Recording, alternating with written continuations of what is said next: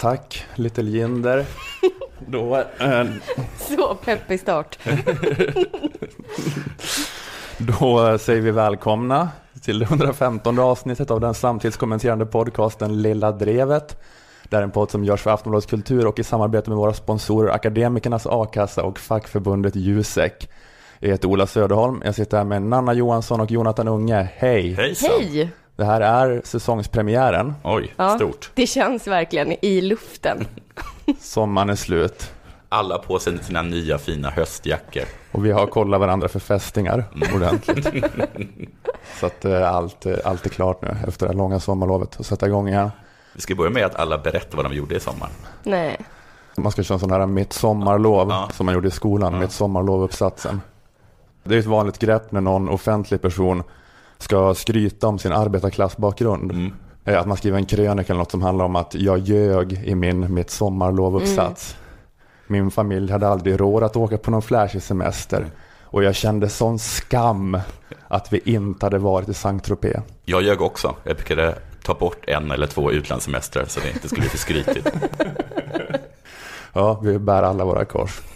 Men eller hur, det var så här att man bara, åh nej, jag skrev att vi hade varit i Saint-Tropez. Och när fröken läste upp min uppsats avbröt Hampus och ropade, haha, skulle Susanna Alakoski ha varit i Troppan? I så fall har jag varit på månen. Och alla hånskrattade. Han är bra. Jag kände klasshat. I och för sig ska ju det vara, man kanske ska vara typ i vår ålder. Eller äldre för att kunna relatera till den här observationen. Mm. Klasshat i samband med mitt sommarlovuppsatsen. För nu för tiden är det ju då science fiction att människor från olika samhällsklasser skulle gå i samma skolklass. Mm. Så det här problemet finns ju inte längre. Nej, skönt. Har en i klassen råd att åka till Saint-Tropez, då har alla det. Behöver inte oroa sig längre. Inga spänningar. Och har man bara varit hemma hela sommaren, torkat sina föräldrars spyor, dragit runt i centrum, då har alla andra i ens klass gjort samma sak. Så allt är löst. Ja. Allt är bra nu. Allt är bra. Inga spänningar i Då skolan. finns det ingen relativ fattigdom på det sättet längre.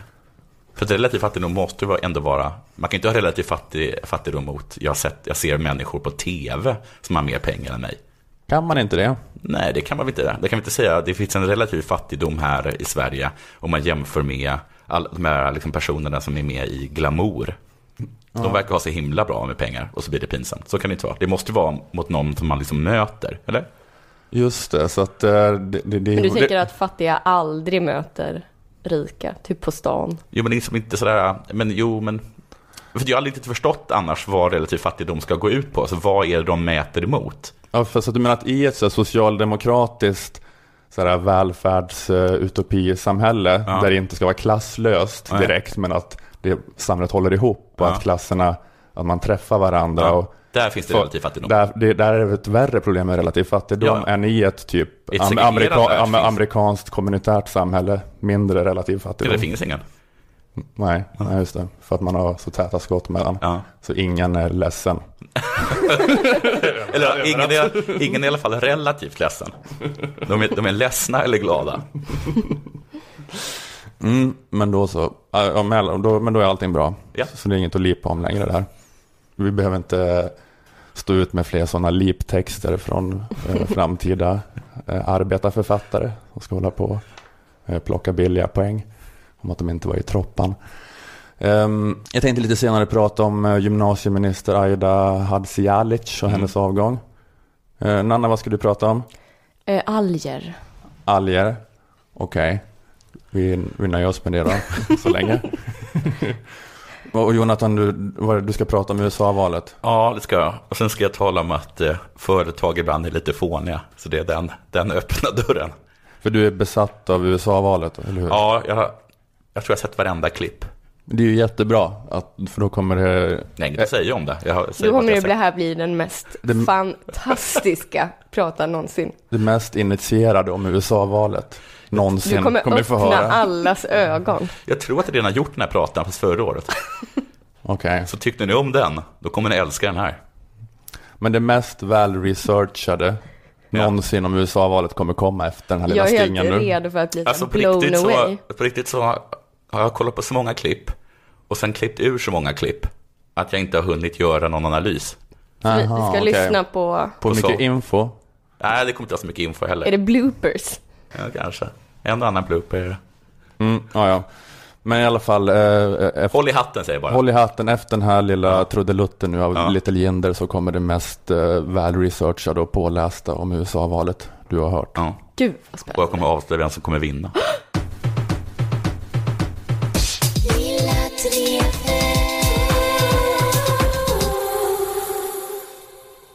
Nu har Ola plockat fram havrekakorna. Spänd förväntan. Ola sitter med eh, lite kallt kaffe och är precis redo att börja doppa havrekakan. Men han vill doppa det i samma sekund som jag börjar tala. Kan jag få hälla upp eh, det från koppen till fatet så jag får dricka så här på, Ola sätter en liten sockerbit mellan läpparna. Nu ska jag surplas kaffe. Men det är sånt brunt socker va? Ja. Så bröstsocker det. Det är det är oklar karaktär ni försöker brand, branda mig som. Han tar upp en sån jättelik sockertopp och skär bort eh, en liten bit med sin sockertoppsspade. Det är, så här, är det bara att det är något så tråkigt eller så, så, så glider det över att jag bara är gammeldags. Att jag, är, att jag är nitt- 1920-talsmänniska. Ola tar upp en sockerrova och suger lite på, på skalet. Idag är det fest. Jag förstår inte exakt. Jag, alltså, jag försöker få grepp om nidbilden av mig själv. Den är, så, den är lite så här svävande och oklar. Men har inte du någon gång eh, mobbat mig och så, var det, så erkände du att din spaning var fel och inte gick ihop? Men eftersom det var... Men det, liksom, det går inte att försvara sig mot det. Ja, just det. Att äh, även om det var fel så var det äh, kul. Eller? Ja, precis. Som att- Jag jag har dragit en massa gånger med att de retade mig på- på skolan och skrek punge efter mig. Och att jag då stannade, och, stannade vände mig om och sa punge är inget ord. Pung är ett ord. Och det fick liksom inte alls den dräpande effekt jag hade förväntat mig. Att de bara, oj shit, du har rätt i, det är inget ord. Eh, Det är väldigt likt, men du har, du har rätt, inte ett korrekt ord. Just, men det här kanske leder över på ditt ämne. För att det är så alla förlorar mot Trump nu. Ja. Att han säger något sånt, sånt. Att han bara skriker punge till någon. Och så, nu är vi här, vänsterliberala. du pung? Jag hörde Nu ska John Oliver göra en dräpande grej om att det här inte var fakta. Det spelar ingen roll. För det är riktigt, jag ska börja med att tala om USA-valet. Eh, vinkel, är de inte lite tokiga de där republikanerna? Jag tror att analysen är att de är lite galna, men har sen fått sjukdomsinsikt, men att det inte spelar någon roll. Jag är inte säker om jag, om jag, på, om jag kommer till den slutsatsen, men jag tror att det är ungefär det som jag kommer säga nu. Eh, därför tänkte jag att vi ska eh, börja från början. Och det är alltså precis innan 212s presidentval mellan Mitt Romney och Barack Obama. 2012, ja. 2012. 2012, rättade du mig just? Jag tyckte du sa Du sa 212. 200-tal. Så jag 212. Ja, så himla länge sedan. Ja, det, var nej, det var inte länge sedan, det var långt fram i tiden. Vad menar du? Jaha, okej, nu har jag, jag har rätt. Inför det här valet, presidentvalet mellan Mitt Romney och Barack Obama, så hade republikanerna en väldigt skön känsla.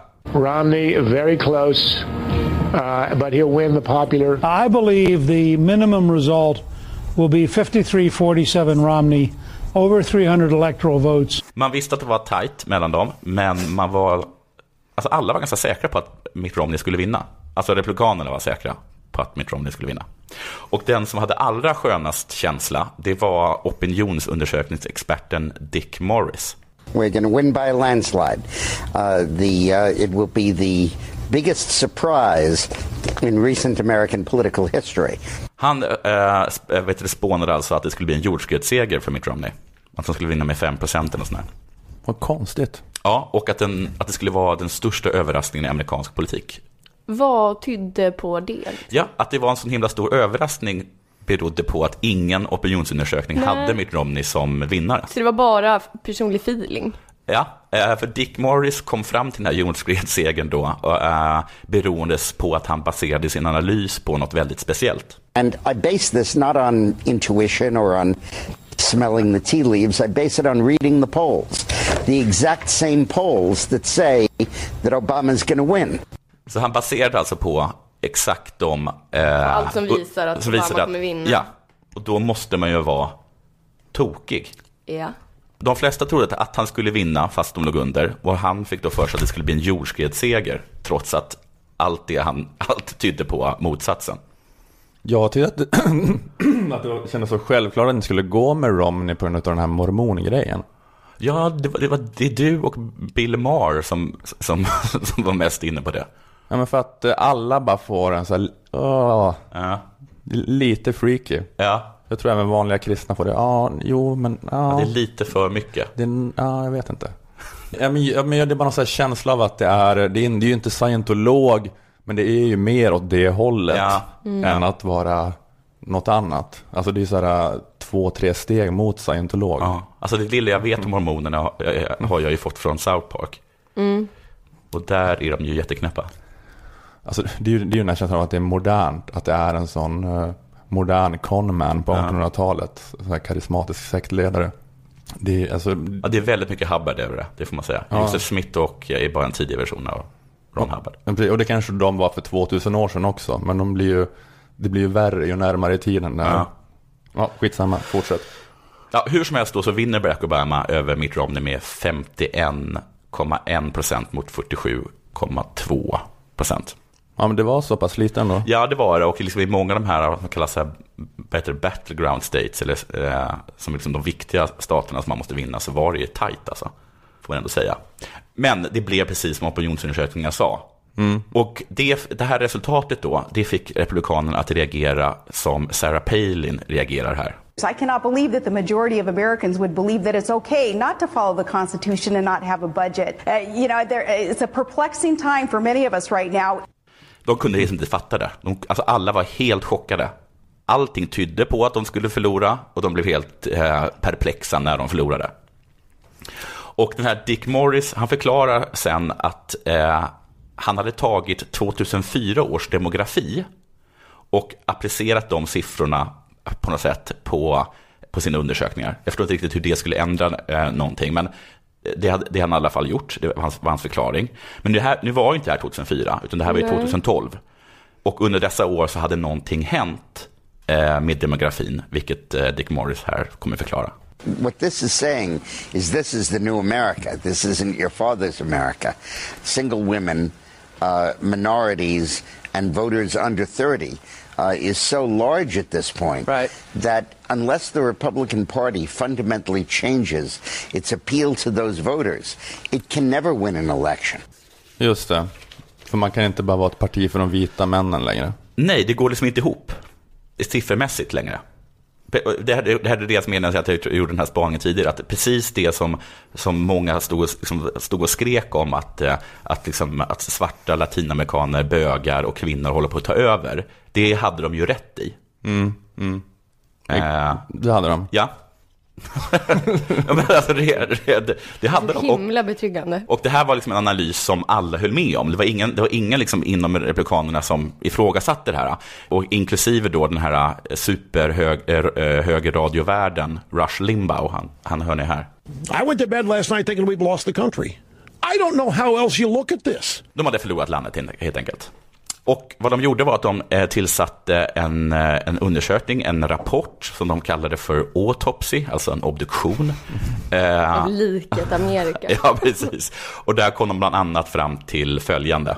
Focus groups described our party as narrow minded, out of touch, and, quote, stuffy old men. De hade alltså frågat vad väljarna tyckte och de såg republikanerna som trångsynta gamla män som inte har pulsen på eh, samtiden. Alltså det som man oftast har brukat an- anklaga dem för. Och så har man fått alltid höra att det är, att det är felaktigt. Men det, är- alltså, är, är rent eh, opinionsundersökningsmässigt så stämmer det. Liksom. Dessutom så ansågs de vara alltför kvinnofientliga. Det här var ju, det här var, jag vet inte om ni kommer ihåg det, men precis innan valet så var det någon republikansk senator som gick ut och eh, eh, liksom gjorde skillnad på våldtäkt. Vad, vad var han sa för någonting? Ja, just det. Var det något med våldtäkt genom äktenskap eller, just eller att det inte är Just det. äktenskap? Ja, det, var eller? det var synd att jag inte kommer ihåg det, men någonting sånt. Det var, liksom, det var flera sådana grejer.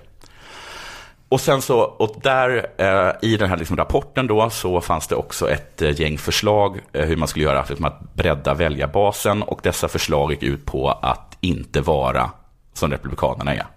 Utan istället då eh, vända sig och bjuda in liksom, latinamerikaner, afroamerikaner, kvinnor, homosexuella, ungdomar framförallt. Eh, och liksom att man skulle liksom bli mer positiv till, till immigration och invandring och sådana grejer. Och de försökte liksom, de försökte liksom lyfta upp eh, kandidater med, eh, eller liksom republikaner med, med liksom en annan bakgrund än den klassiska vita, eh, vita mannen som eh, Marco Rubio till exempel i Florida.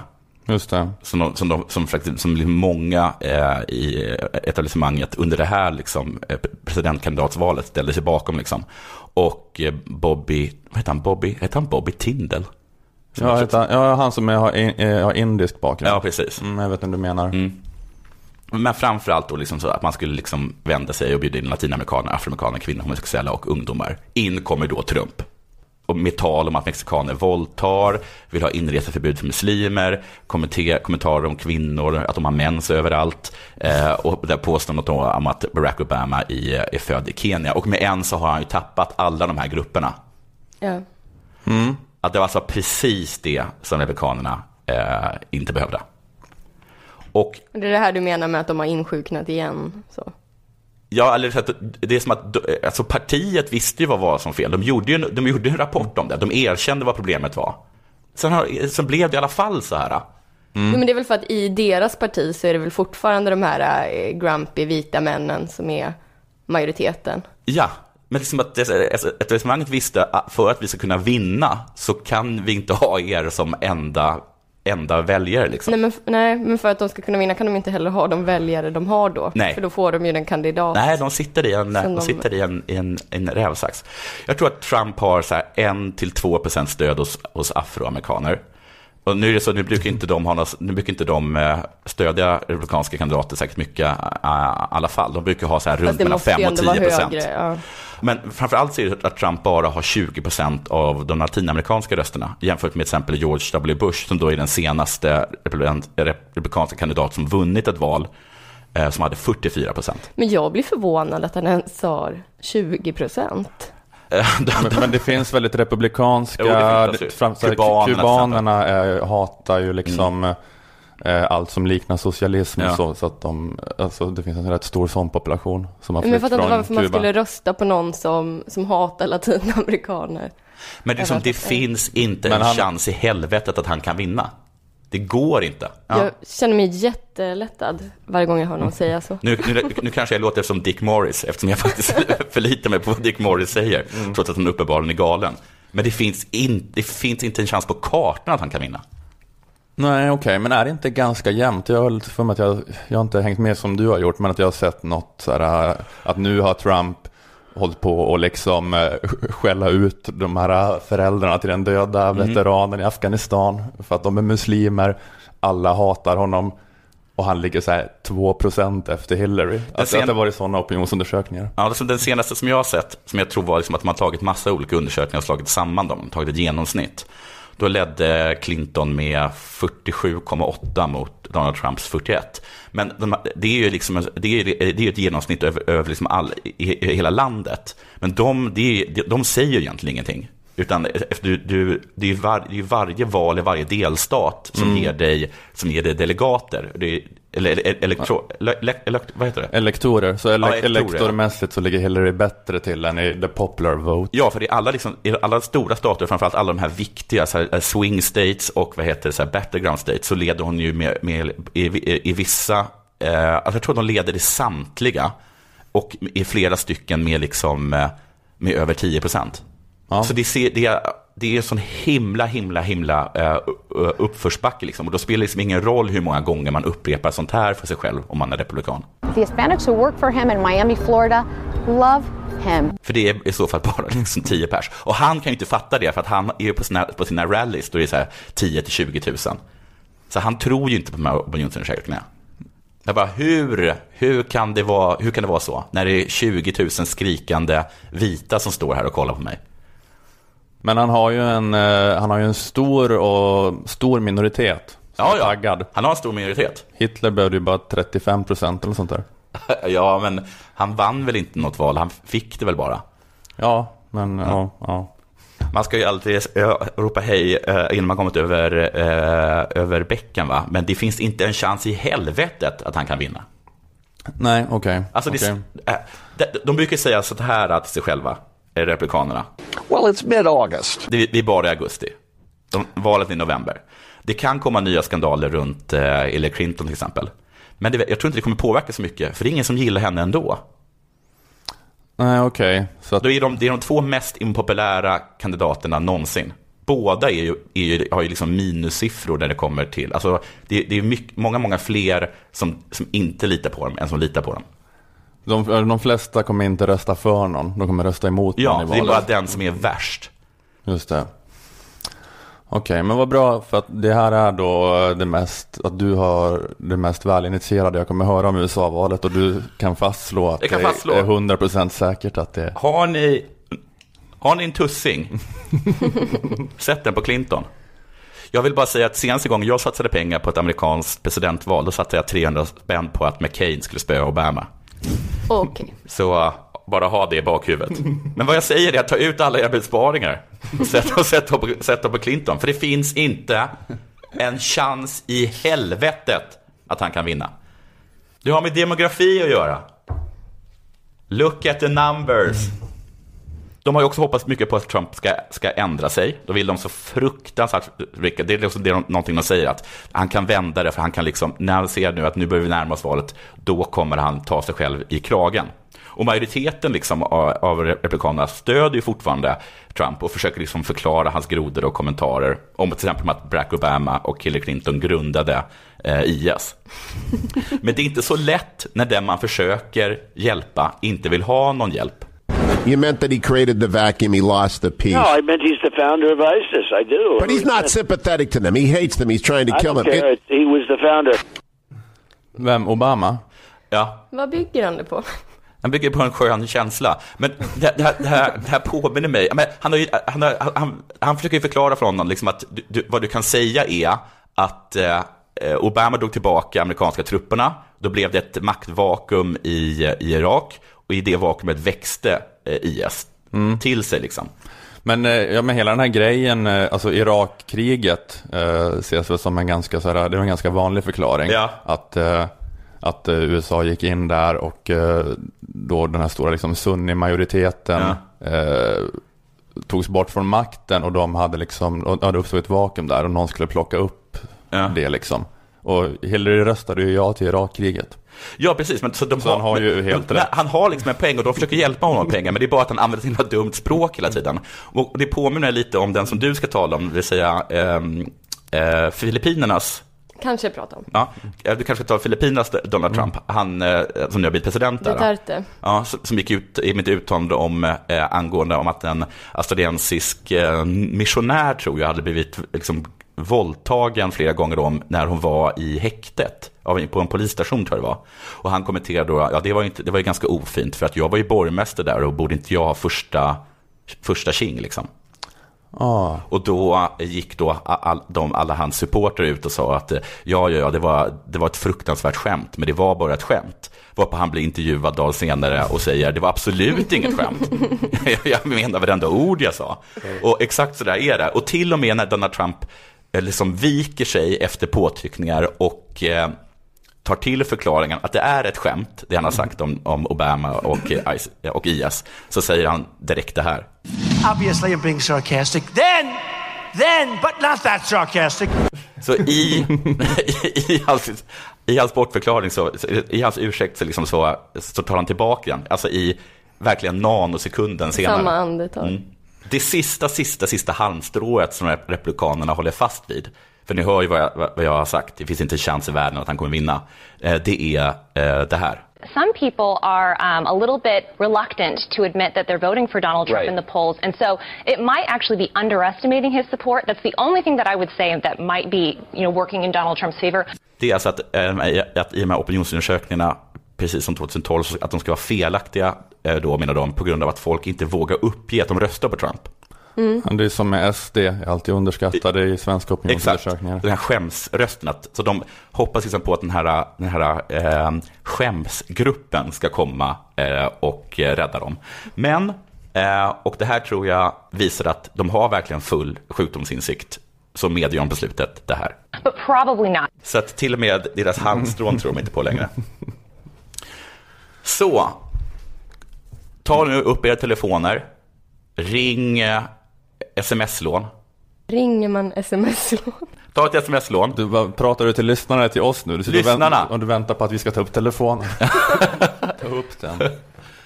Ja, okej, ja. Låna 20 papp. Dra ut guldtänderna, växla in dem. Ja, men ta allt ni kan till stampen. Och liksom lägg det på Hillary bara. Ja. Mm. För jag undrar vad, vad kan oddsen, vad får man tillbaka på det? Kan Inte mycket. så- Nej, Men satsar du supermycket så kanske, kanske Jag- du får en femhunk eller jag tror någonting. inte du får tillbaka så att jag täcker räntan på sms-lånet faktiskt. Åh, gud. så jag, känner, jag skulle säga ändå. Nej. Har Jag- du sugit klart på den där sockerbetan nu, farfar? Det du sa gick inte ihop Jonathan. Spelar Det gick roll. faktiskt inte ihop. Spelar ingen roll. Så jag kände att, att jag var tvungen att, att flika in här. Mm, ja men det var, det var, det, Det var mer en genomgång och ett löfte. och ett löfte, ja. Och att eh, han är knasig Trump va. Han är lite knasig, ja. Ja. Säger outrageous saker. Det gör han. Ja men det, var- det, var, det, var bra, det var bra att veta. Att, just att, du, att vi har en sanning här då i den här post-sanning-tiden nu. Men för jag, jag tror ingen har vågat, alla har ju väl lite menat det, men ingen har gått ut i så starka ordalag och sagt att det finns inte en chans i helvetet att han kan vinna. Nej, Eller hur? Det kan vara skönt med lite sånt också. just det. Men eh, ja, men jättebra att veta. Ska vi gå vidare? Ja.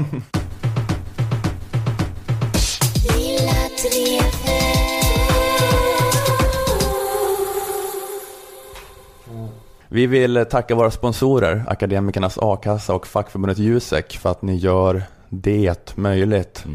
Och det som de gör möjligt är dels den här podden, men det är ju också rättigheter och trygghet för alla akademiker där ute som har ett jobb eller försöker få ett jobb. Eh, Akademikernas A-kassa är ju då grundplåten, kostar 100 kronor i månaden och ger dig en inkomstförsäkring på upp till 20 000 i månaden när du är mellan jobb. Men går du dessutom med i fackförbundet Jusek får du en kraftigt förbättrad inkomstförsäkring. Jusek organiserar alla er som är samhällsvetare, ekonomer, kommunikatörer, jurister eller jobbar inom HR och IT. Och alla ni, ni tjänar ju ofta mer än 25 000 i månaden, vilket då är taket i a-kassan. Ni tjänar mer och ni kanske har utgifter därefter. Så då är det bra om ni har en rejäl inkomstförsäkring så att ni slipper sälja bostaden, adoptera bort ungarna om ni skulle bli av med jobbet. Eh, Ett medlemskap i Jusek ger en inkomstförsäkring på 80% av lönen upp till 80 000 kronor. Herregud. Mm, det är jättemycket. Supermycket Herregud vad de tjänar bra. Man kan få 64 000 kronor då i ersättning eh, om man skulle bli av med jobbet. Man ska tjäna 80 000 först. Men eh, sen, Tjänar man så mycket tycker jag också att man är klokt att kanske lägga undan en slant i månaden. Jo, det också. Men gå med i Jusek eh, först och främst. Eh, Att vara med i Akademikernas och Jusek kostar 351 kronor sammanlagt. Är du redan Akademikernas medlem lägger du alltså bara till 251 kronor för att också få vara med i facket. Och så här i skolstartstider vill vi tipsa om att alla som pluggar något som leder till en examen i en Jusek-bransch kan bli studentmedlemmar i Jusek. Eh, Och det kostar bara 100 kronor som en engångssumma. Så, och då är du medlem hela studietiden. Och i det medlemskapet ingår en prenumeration på Juseks tidning Karriär och du får tillgång till Juseks medlemsrådgivning. Du får svar på frågor om studier, vägen till första jobbet, frågor du kan ha om extrajobb och sommarjobb under studietiden, knyta kontakter under Juseks medlemsaktiviteter, coachas av Juseks karriärexperter, rabatt på studielitteratur, bara 100 kronor. 100 spänn, har ni det studenter? Det lät ju faktiskt svinbra. Det är bara några öl. Det är 10 Sofiero. Om du bara hoppar över att dricka 10 Sofiero en dag så kan du gå med och bara för alltid vara medlem. Men vem säger eh, priset på öl från Systembolaget? Du säger ju det är två öl på krogen. Nu lät det ju jättemycket. Eh, Läs mer på jusek.se och akademikernas.se om hur du gör för att gå med i facket och a-kassan. Och har du tagit med steget så gå med i Akademikernas och snedstreck eller Jusek på grund av den här podden. Får du gärna berätta om det. Eh, Dels kan du skriva din ansökan, du kan också skriva det i sociala medier under hashtag lilla drevet. Tack Akademikernas och Jusek. Tack, tack. Tack.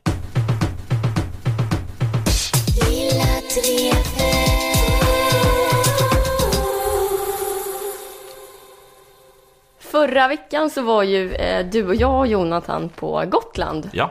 Östersjöns lilla pärla. Ja, det är det verkligen. Underbart var det. Ja, det var det. Ja, Fint det var väder det. också. Ja, eh, och något som var jätteskönt för oss eh, och lite mindre skönt för miljön var ju att vi eh, flög fram och tillbaka till Gotland. Vi flög med före detta Malmö Aviation som numera heter Bra Flyg. Har du flugit med dem, Ola? Ja, inte sen det blev bra flyg. Jag visste inte om att det var det nu. På Då flygplan. kanske du har missat att de har sitt eget lilla inflight-magasin, som man kan sitta och bläddra i medan man dricker sitt vidriga, vidriga kaffe. Eh, det är magasinet Bra koll, eller som man också kan kalla det, Luftens kupé. För precis som kupé så är det en sån där tidning som försöker hitta minsta gemensamma nämnare mellan alla nu levande människor och därför är totalt uddlös. Ett av skopen eh, i tidningen var på riktigt att två personer driver en tebod. Spoiler, det är härligt att driva tebod. Och te är ju gott om man gillar te. Men det är, ja just det, för, för det är det det blir när man ska ha minsta gemensam nämnare mellan alla människor. Det blir te. Ja, det är en sån lifestyle, eller du har så ett surdegsbageri på Gotland till exempel. Mm. De hade också Då- te. Teboden var på Gotland. Ja, Det kränker ju. Då blir man ju, sådana människor som har det, det måste vara det enda de gör, att bli så intervjuade av så här Coupé och Inflight magasin och eh, jag vet inte, olika konstiga medlemstidningar. Ja. Att jag är en frilansjournalist som bara måste sälja in ett jobb och så här. Det mest Då, då, då åker man till Gotland och så här bara träffa surdegsbagare. det mest edgiga som någonsin har stått i sådana här inflight-magasin var väl det där med att Joe Labero sa att han inte fick jobba i Las Vegas för det styrs av judar och bögar. Det var ändå edgy. Det var det, Ja. eller hur? Men det, och sen dess har det bara varit te. Ja. Te och kanske så här en kvinna som håller på med ull. Mm. Ehm, ja, men åter till då luftens eh, kupé. Mm. Bra koll. Eh, där fanns det egentligen bara ett enda reportage eh, som jag tyckte var lite intressant. Eh, och det reportaget handlade om alger eh, och algers positiva effekter för miljön. Eh, det ska sägas att hela det här numret hade tema hållbarhet. En flygtidning med tema hållbarhet, inget konstigt, Hej, jag heter Ryan Reynolds. På Mint Mobile, we like to do the opposite of what Big Wireless does. They charge you a lot, we charge you a little. So naturally, when they announced they'd be raising their prices due to inflation, we decided to deflate our prices due to not hating you. That's right. We're cutting the price of Mint Unlimited from $30 a month to just $15 a month. Give it a try at mintmobile.com slash switch. $45 upfront for three months plus taxes and fees. Promo rate for new customers for limited time. Unlimited more than 40 gigabytes per month. Slows. Full terms at mintmobile.com. naturligt att det är flygbolagen som värnar mest om miljön. Lika naturligt som om Göran Grider skulle skriva alla artiklar om aerobics. Eh, Strunt samma. Reportaget handlade i alla fall om allt man kan och allt som man tror att man kommer kunna använda alger till. Eh, tydligen så är det sjukt mycket bra grejer. Eh, man tror att man kan använda dem som eh, vattenrening, kosttillskott, bensinsubstitut, antibiotika och så vidare. och så vidare. Eh, good stuff, helt enkelt. Men framför allt så handlade det här reportaget inte om fördelarna med alger i sig, utan om fördelarna med forskaren och entreprenören Fredrika Gullfot som bedriver en stor algodling på Österlen. Eh, En algodling som tydligen ska ha blivit ett av Europas hetaste så kallade greentech-bolag. Det är hyfsat nära ett kalanka namn Fredrika Gullfot, Ja, tycker du att det låter taget? men som att det var så här Ivar, vad heter han, Flinthjärtas Ja, eh, ungdoms... Ungdomsflamma. Ja, ungdomsflamma. Fredrika Gullfot. Kajsa blir svartsjuk när Fredrika Gullfot kommer in i en serie. Ja, det var långt fint hår. Jag tyckte att det var ju störigt att bli uppvaktad av Kalle varje dag, men nu när han tittar på någon annan så blir jag saknar det plötsligt. Lite för korta mamelucker. ja, um, Fredrika Okej, Gullfot. vad sa den horiga ankan Fredrika Gullfot då? Kan du berätta? Den horiga ankan, Fredrika Gullfot. Eh, Han är lätt på foten för att han har små guldfötter. hon eh, kallar i alla fall sig själv för en eh, grön kapitalist. Hon menar ju att det enda sättet att få till en verklig förändring eh, för miljön i ett kapitalistiskt system är att visa att det miljövänliga också är det mest lönsamma. Eh, Man kan inte bara säga alger är bra för miljön, man måste visa för investerare att de kan generera shitloads av pengar. Eh, Det är först då det blir intressant för andra kapitalister. Eh, Inget nytt under solen där, man kan ändå förstå vad Fredrika Guldfot menar. Mm. Money talks är Mm. vad hon menar. Hon menade att eh, vi måste bara visa att det är lika effektivt driver ett flygplan över Atlanten om man trycker ner alger i tanken som bensin. Bara det. Men det, det är det enda lilla Men vad det- kriteriet som vi be, behöver uppfylla för att rädda miljön. Det var inte du som berättade att, att, de, de, att de hade gjort, prövat ett nytt grepp för att få folk att förstå eh, miljö, problem med miljöförstöring genom att eh, sätta värde på allting. Ja, men det är ekosystemtjänsterna kallas det va? Mm, att man så här, ja, säger i pengar Ja, vad det. nötskrikan levererar för tjänst när den planterar ekollon. Man säger så inte det att kommer 10 eko. 000 sälar har dött, utan man säger att vi just förlorat 2,5 miljon. Kapitalförstörelse har skett när de här Mm. sälarna har dött i olja. Det är väl också den, eh, det spåret Mm. Fredrika Gullfot är inne på. Eh, Men jag läste lite vidare och sen så Mm. kom jag till det här stycket. Eh, Nu läser jag till. Vi kör mellan lysande rapsfält ner till Simrishamns sandstrand. Här planerar, här planerar Fredrika Gullfot en sommarfest med algchips och algshots. Hon har nyss köpt hus i trakten och pendlar mellan Stockholm och Skåne. Platsen är inte bara perfekt för algodling rent klimatmässigt. Den är också, poängterar Fredrika, en bördig idémylla. Österlen är inte Sveriges Provence, det är vårt Silicon Valley. Det är inte pensionärer och lantmännen-kepsar. Tvärtom finns här sjukt mycket kapital och grannar med MBAs från Princeton. Vi lever livet som alla hipsters i Hornstull bara drömmer om, skrattar hon. Idémylla. Jag fattar ju som sagt Man det vill bara här... släppa en atombomb över Österlen Ja. efter att ha hört det där. Ja, precis. Försvinn i, försvinn i ett hav av eld.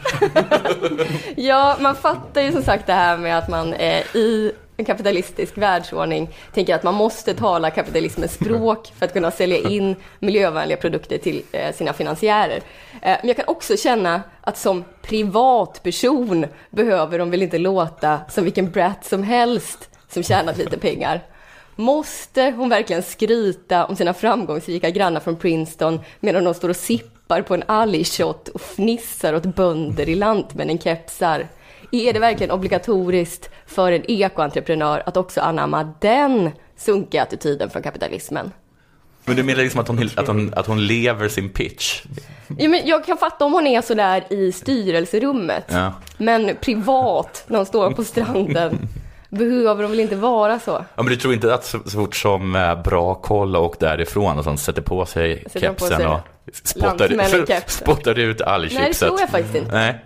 Jag vet inte, men jag tänker att i takt med att nu eh, kanske miljön blir en viktigare och viktigare fråga och man hittar fler sätt att göra miljövänligt lönsamt eh, så kommer vi se eh, nya generationer av sådana här gröna kapitalister som är precis lika självgoda och jobbiga som andra kapitalister. Kanske till och med ännu värre eftersom de samtidigt kan känna att de är så jävla goda, fina. På Stureplan kommer det stå så unga killar i ekologiska bomullsskjortor, skaka tetror med Oatly som de sprutar över snygga tjejer. Eh, samtidigt som kanske skryter om hur mycket pengar deras pappor har tjänat på solceller.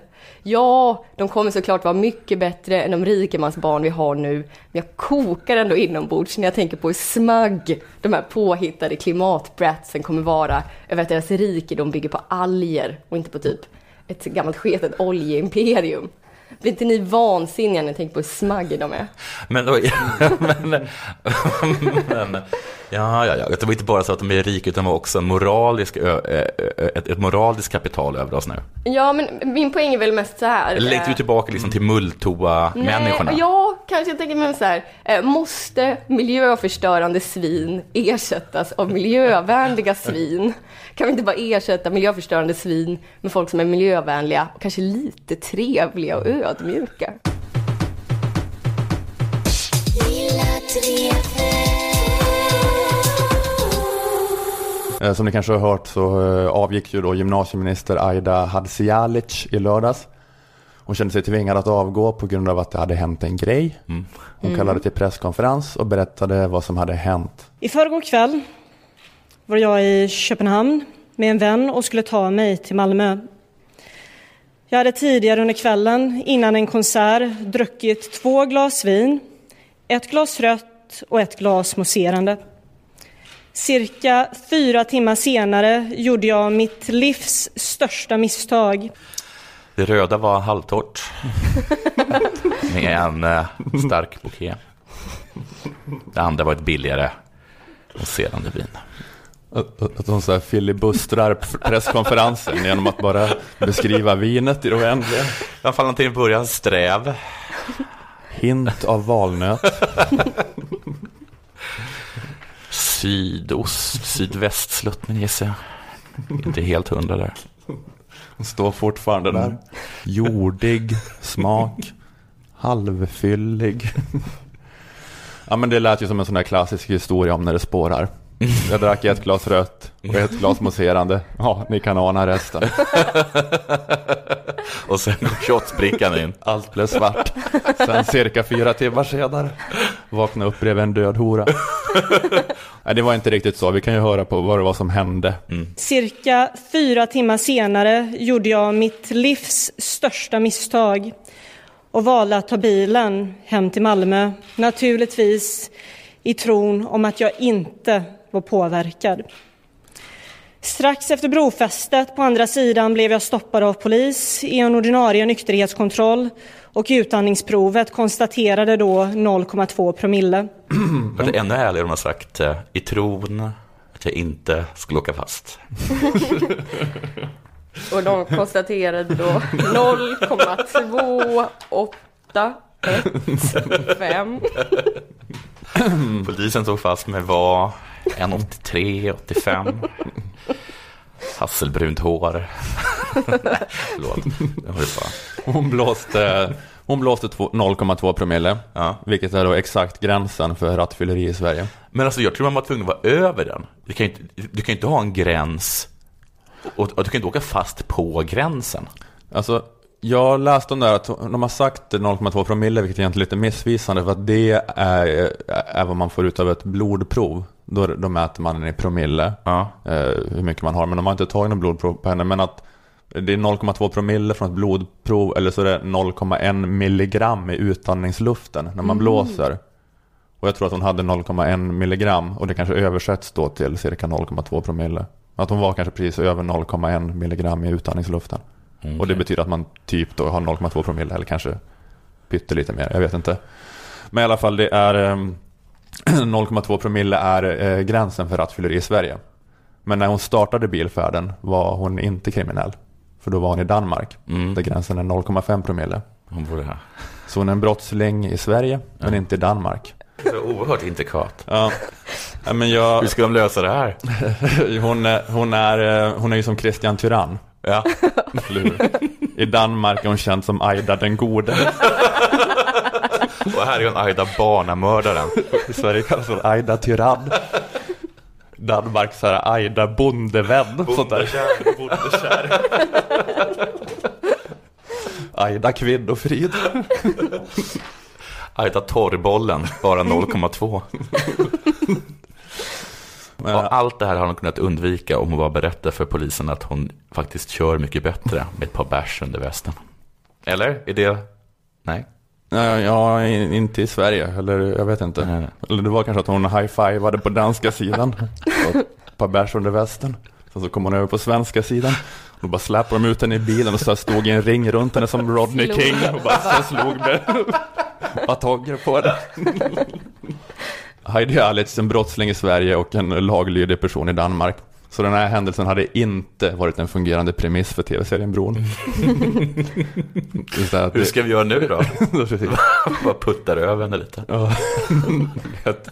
Det funkar, det är inte samma grej som ett mord, ett lik mitt på Öresundsbron. Vems är ärendet? Danska och svenska polisen tvingas samarbeta nu bara en minister i en bil som drack två glas vin för fyra timmar sedan har hittats mitt på Öresundsbron. Då hade svenska polisen sagt, åh herregud, vi måste utreda. Vems är ärendet? Hon var mitt på bron. Vi måste försöka samarbeta. Och danska polisen hade sagt nej. Du behöver inte det. Men varför, vad är det som gör att, att danskar är så mycket bättre på att köra och dricka alkohol? Alltså alla har 0,5. Okej. i hela EU. Förutom England har 0,8. Jag skulle säga att Sverige är bättre då. Det, Norge har också 0,2. Så Sverige och Norge hade kunnat göra Ja, en bron. Det är det verkligen. De, det, det, är, det, trå- det är det tråkiga syskonparet verkligen. Det är som, det är som de två mobbade tjejerna som håller ihop. Töntigaste remaken av bron kan Sverige och Norge. De kommer först till festen och går först. I alla fall, eh, Ha- Hadzialic Mm. eh, avgick på grund av det här. Och det, känd, det kändes lite konstigt den här avgången tyckte jag.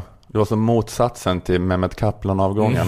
Mm. Då avgick ju Kaplan för att alla andra tyckte att han hade gjort fel. Han Ja. tyckte inte det. Nej. Nu avgår Hadzialic för att hon tycker att hon gjort fel. Ingen annan tycker det. Nej. Eller, eller Fast men, jo, det- jo, folk tyckte att det var fel.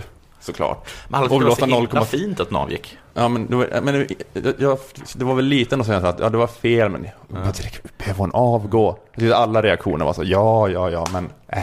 Men reaktionen var väl att, att den, här, i den här klassiska Tobias Billström hade, hade aldrig avgått.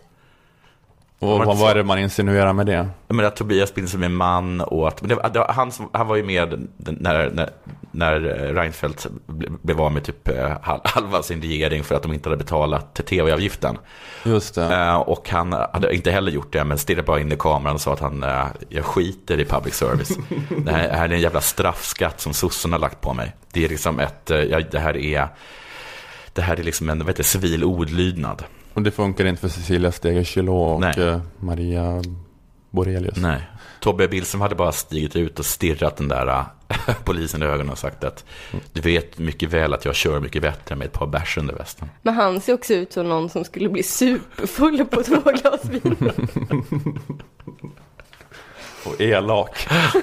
Superelak. Han hade dessutom, inte druckit mousserande vin.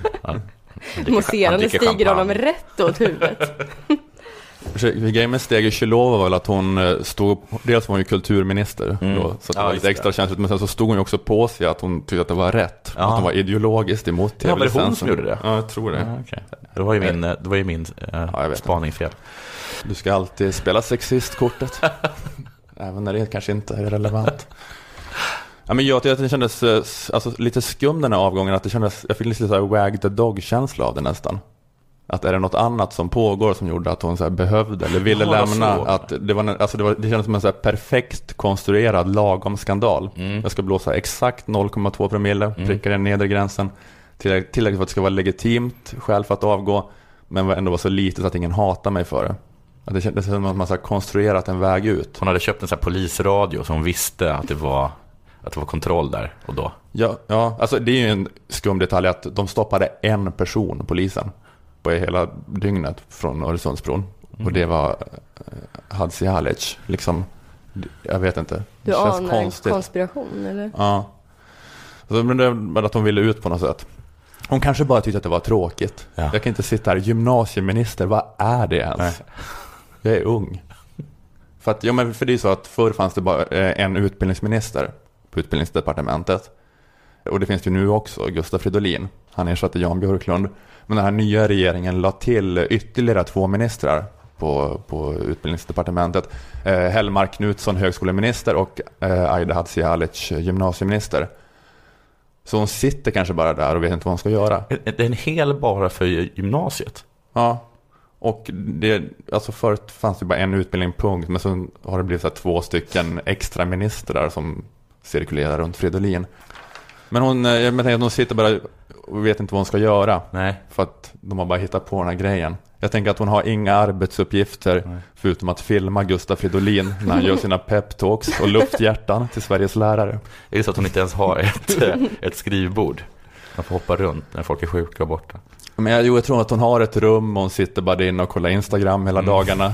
Ibland tittar Gustav in och säger Aida kom, håll i kameran. Jag har en jävligt bra grej som måste ut på YouTube. Därför skulle jag också vilja be dig om att våga vara stolt över att du är lärare. När någon frågar dig om vad du jobbar med, säg stolt att du är lärare. Ja, där satt den. Tack Aida, bra jobbat. Det var allt för nu. Ja, men det var faktiskt ett avslöjande i, i Dagens Industri för ett par månader sedan om att det var kaos på utbildningsdepartementet. Att ingen visste vem som skulle göra vad på grund av alla ministrar och att massa så här chefer och tjänstemän hade slutat. och att det var missnöje med Fridolin. En källa till Dagens Industri säger att Fridolin har citat inte förstått vad det här med att vara departementschef innebär. Det innebär inte att man är överordnad och kan överpröva de andra statsrådens frågor. Men det har Gustav försökt att göra, slutcitat. Oj, oj, oj. Så det är bara en teori. Hon står bara inte ut Nej. med att sitta där. Filma lilla farbrorn med Messias-komplexets Youtubes videos. Hon har försökt att avgå men fått nej. Jag orkar inte vara kvar här. Varje gång vi möts i korridoren gör han ett lufthjärta mot mig. Klarar inte mer. Ehm, så det är, ehm, så, uh, jag menar att det kanske var ett sätt att skjuta ut sig där. Mm. Blåsa 0,2 promille för att få det att ta slut. Hon var som en soldat i krig som sträcker upp benet eller handen ovanför skyttegraven för att en krypskytt ska skjuta den. Man blir lite skadad men man får åka hem. Så tänker jag att det är att jobba med Gustaf Fridolin. Det är som att ligga i lervällingen i Verdun, vänta på att storma en kulspruteposition. Man sträcker upp en hand ovanför skyttegraven. Man bara ger Niklas Svensson ett friskott. Sen får man åka hem. Men jag tror att det kommer liksom bli en våg av, av ministrar som jag, jag snattade. jag är försenad eh, förskoleavgift. Eh, Jag slutar betala tv-licens. ja, jag har dubbelparkerat. Just det. Eller jag stod för länge utan att lägga, lä- la inte in mer pengar än vad jag skulle. P-automaten. Eh, Dessutom har ju den här, det, det varit någon slags PR-succé där för henne. Den här rattfyllan avgången. Mm. Folk älskar henne som fan nu. Att reaktionerna på Hadzialics avgång har typ varit att det var inte så farligt. Hon behövde kanske inte avgå. Men det var samtidigt fint av henne att hon avgick. Och hon är en fantastisk politisk begåvning. Är det inte så att alla, att vänstern ogillar henne och är glad att hon har åkt och eh, högern gill- gillar henne och så har liksom vänstermänniskor suttit och hånat högermänniskor för att de har eh, liksom tweetat Gud vad synd, det var en så bra minister. Ja, men det, jag tror att hennes popularitet grundar sig mycket på att hon har sagt att hon stör sig på identitetspolitik Mm. vid något tillfälle. Vi måste sluta med det här, att man håller- med det här konstiga grupptänkandet. Vi måste prata om klassen och sånt där. Eh, Så, det, så det är ju jättemånga som blir jätteglada över. Men det kanske är ännu mera i och för sig vissa sådär eh, högerledarskribenter som har blivit extra glada. Men en grej som faktiskt stödjer din teori här om att det var planerat eller så. Mm. Det är ju att av två glas vin får man inte så grumlat omdöme. Att man kör rattfull. Jag tänker så här, en stor anledning till att folk kör rattfulla, Mm. det är att de, sa, de har druckit så mycket så att de har tappat omdömet. Ja. Eh, Och då framstår det som en bra idé. Men har man druckit två glas vin Ja. så är man ju precis som vanligt. Ja, men eh, så här lät det i Godmorgon Världens panel eh, om hennes avgång. Och den består ju av ledarskribenter Mm. av olika politisk färg. Och de diskuterade eh, den här frågan. Som eh, arbetsvillkor för den typen av eh, toppjobb som hon har så tycker jag att den här förseelsen är för liten. Hon har brutit mot svensk lag, men det är absolut inte av den dignitet att hon är körd som minister. Tvärtom, det här är en superpolitisk begåvning som har mycket kvar att uträtta i politiken. Ja, jag håller nog med att Löfven kunde mycket väl ha sagt jag beviljar inte hennes avgångsansökan. Men nu gjorde han inte det och jag tror framför allt att det är ganska bra för Aidas skull att hon rakryggad, hon försöker inte skylla ifrån sig hon, eh, utan tog konsekvenserna av det. Och som sagt, hon är ung, hon är begåvad så hon kommer komma tillbaka. Inom idrotten talar man ibland om en career ending injury, alltså en skada som i slutet på karriären. Det här är inte något sånt utan snarare tvärtom. Hon kommer stärkt tillbaka. Det är tvärtom. Men den här rattfyllehistorien är bara en personlig eh, succé för henne. Hon, hon blir starkare av den. Jag tycker det är bara svårt att få ihop eh, budskapen i reaktionerna. Att det som hände, det var ingenting som en politiker ska behöva avgå för. Men det var bra att hon avgick. För det visar att hon är rakryggad och tar ansvar. Eh, Men om hon inte har gjort något övertramp som kräver avgång, tar hon inte mer ansvar då om hon stannar på sin förtroendepost och jobbar vidare? Om hon nu är så extremt jävla politiskt begåvad dessutom. Är det inte ansvarslöst av henne då att utan något giltigt skäl förneka den svenska demokratin, den här otroliga resursen som är Aida Hadzialic? Jag vet inte, men det, men det är som att det är, så här, det är bättre för någon slags långsiktigt odlande av eh, Aida Hadzialics varumärke att hon avgår. För nu tycker alla att hon är så fin och rakryggad. Hade hon inte avgått hade ingen tyckt det. Hon hade tagit sig igenom det men hade så här drevats lite och det kanske sänkt hennes förtroendesiffror några procent. Men fördelen med det scenariot är att hon hade kunnat fortsätta jobba då och förbättra det här landet med sin exceptionella politiska begåvning. Men då i och med att jobbet nu bestod i att filma Gustaf Fridolin med hans iPhone när han gör lufthjärtan till Sveriges lärare. Då kanske sossarna gjorde bedömningen att det är bättre att bygga varumärket Aida nu. Hade hon varit en viktig minister så hade hon inte fått avgå för det här. Nej. Men det är också, tycker jag, det är så intressant vad det baseras på att alla tycker att hon är så duktig. Att det, det, det, det är kul när folk får en sån här känsla. Ja. Varför har alla den här känslan plötsligt för, för Hadzialic? Hur framgångsrik eh, har hon varit, Fredrik Schultenbach? I alla fall så måste man nog säga, tror jag, att hon har bilden av henne är positiv. Alltså hon eh, anses nog vara en lyckad minister.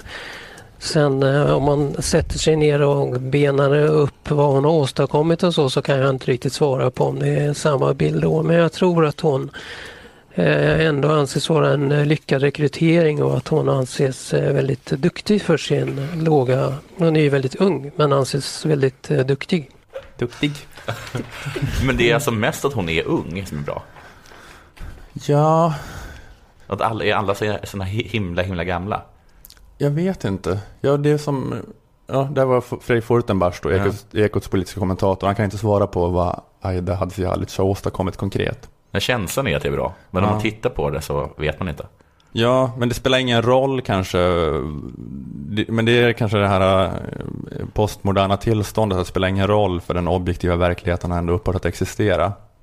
Det finns liksom ingen eh, berättelse om den definitiva sanningen om rätt och fel. Utan det finns bara då ett oändligt antal konkurrerande sanningar eller berättelser.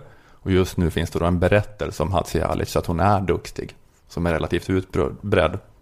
Att det handlar mer bara om att så här, ja, man bara bygger liksom en sån då reality-karaktär. Eh, snarare än att det handlar om materiell politik. För jag, hörde en så intressant grej om det här. Jag hörde en brittisk politikpodcast som heter Novara. Eh, och de eh, pratade i den om att eh, Owen Jones, vet ni vad det är? Han är någon slags engelsk popvänsterikon. Eh, att han för ett antal år sedan gjort förutsägelsen att vi på grund av internet nu Eh, Han sa det för, för några år sedan, så att eh, han gjorde spaningen att nu internet kommer revolutionera allt. Vi är på väg in i en tid då det enda som kommer spela roll i politiken är fakta och rationalitet. Mm. Så kommer det bli. För alla kommer ha tillgång till all information och alla kommer kunna vara källkritiska och informerade. Men att det var en så oerhört dålig förutsägelse. Det blev precis tvärtom. Sämsta spaningen. Att fakta absolut inte funkar nu.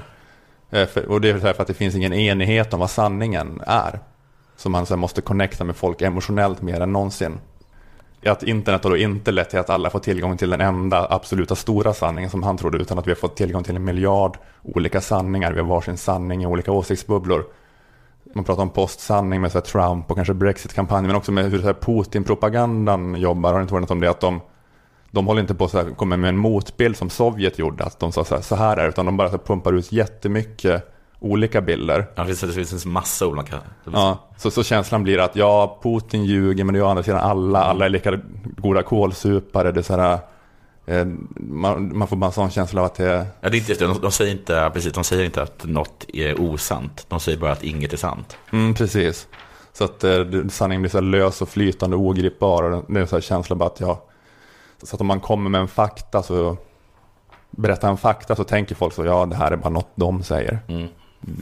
Så, och så säger någon annan något annat.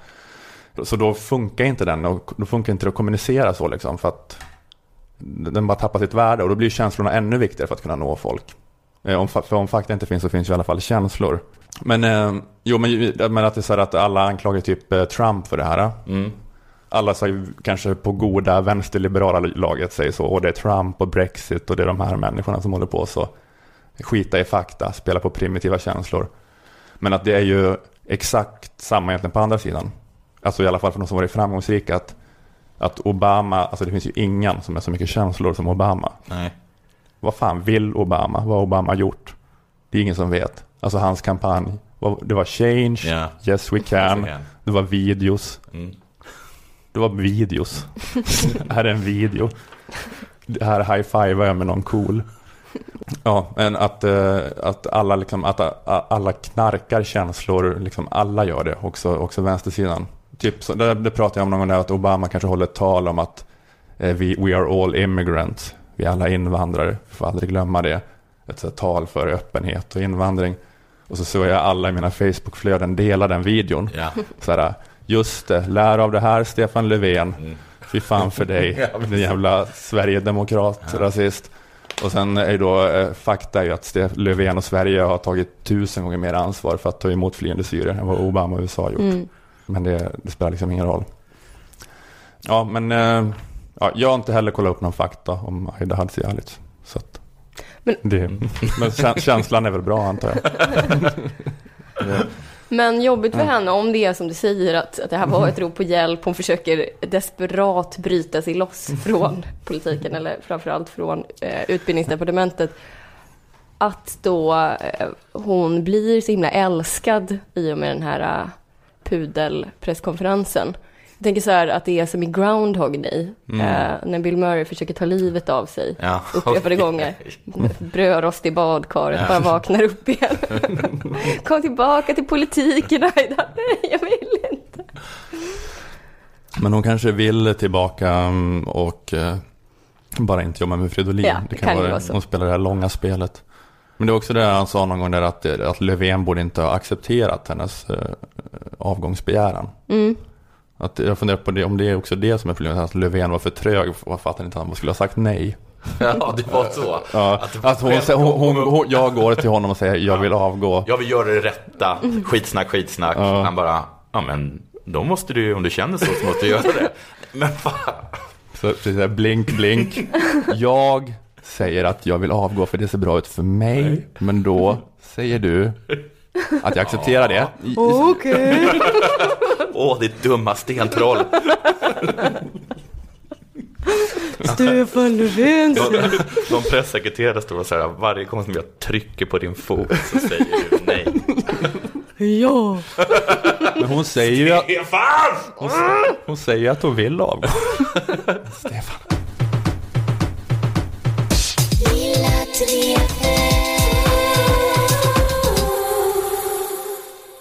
Ja, ni vet det här med medieträning som man håller på med. Det finns olika regler för medieträning va? Som att politiker och olika makthavare är medietränade. Mm. Och då får de lära sig hur de ska bete sig när de blir intervjuade av journalister. Typ, eh, Svara på frågor. ja, håll dig till ditt budskap lite oavsett vad eh, journalisten Svara på frågar. den fråga som du hör i ditt huvud och du vill svara på. Just det. Men ja, det finns ett tillägg till den här eh, kursen, kursplanen i medieträning nu, Ja. som kommer från Dan Eliasson. Okej. Det här är medieträning med Dan Eliasson och det är rikspolischefen alltså. Ja. Eh, eh, Och eh, han har fått lite skit på senaste, för det är mycket missnöje inom polisen. Det var, jag tror det, det, det bottnar i att han skrev en krönika typ i Polistidningen om eh, vilken härlig sommar det var, hur mycket han har vilat Ja. och hur bra, bra allting har gått. Eh, Och då är det många som är arga för många poliser är jättearga över sin arbetssituation. Och många poliser och också allmänhet tycker inte att det verkar gå så bra. Att det har varit mycket, mycket som har gått dåligt i sommar med olika typer av brott. En uppmärksammad grej har, har ju varit det här då med eh, sexuella övergrepp och tafsning och trakasserier på festivaler. Och så delade ut något band där det stod tafsa inte på mig. Ja, just det. Det fick han också skit för. Att det var en idiotisk kampanj tyckte vissa. Men han fick ju då en fråga om det här, liksom att eh, han blev intervjuad i Studio 1, att du har sagt att det går så bra, men det här med tafsandet på festivalen, då har det verkligen gått så bra för er i polisen att, att jobba mot eh, det? Och då, hur hanterar han det? Nu blir det medieträning med Dan Eliasson. Hur många misstänkta tafsare har ni lyckats gripa och lagföra hittills? Ja, det är få. Alldeles för få. men Faktiskt det är extremt... en, en person Ja. är idag frihetsberövad för sexuellt Ja, om, du, om du skulle kunna tala om för mig hur vi skulle kunna jobba smartare för att få reda på hur man tafsar. det är i- inte i- mitt jobb. I, nej, men, det, men, men du raljerar kring det. hela. Nej, jag säger bara hur, hur resultaten faktiskt ser Ja. ut. Eh, Det är Ja, väl men det din- som är men- mitt jobb. däremot. Nej, men din ton är raljerande tycker jag. Ja. Men det var medieträning med Dan Eliasson. om du får en jobbig fråga, prova skrik. Men du då? Du är så jävla bra då. Gör mitt jobb. Men ja, du, du du är inte så jävla bra då, Jörgen. För övrigt eh, SRs snyggaste kille. Eh, Okej, det var väl allt för den här veckan då. Ja, Då är vi... jävla rivstart. Ja, ja men det, det var en start. Det var en start. Eh, och eh, sen tänker vi 0-0 nästa vecka så går det bara, går det bara uppåt. Rivstart 0-0. Ja, men det är skönt. Ni har upplevt det här. Det finns, två, det finns flera sanningar i det här programmet. Det här programmet lever också i postsanning, tillståndet. Tack ehm, Tack. Det det här var en podcast för Aftonbladet Kultur. Tack till våra sponsorer Akademikernas A-kassa och fackförbundet Jusek. Jag heter Ola Söderholm. Tack Nanna Johansson och Jonathan Unge. Eh, vi hörs igen nästa vecka. Det gör vi. Hej då. Hej. Hej hej.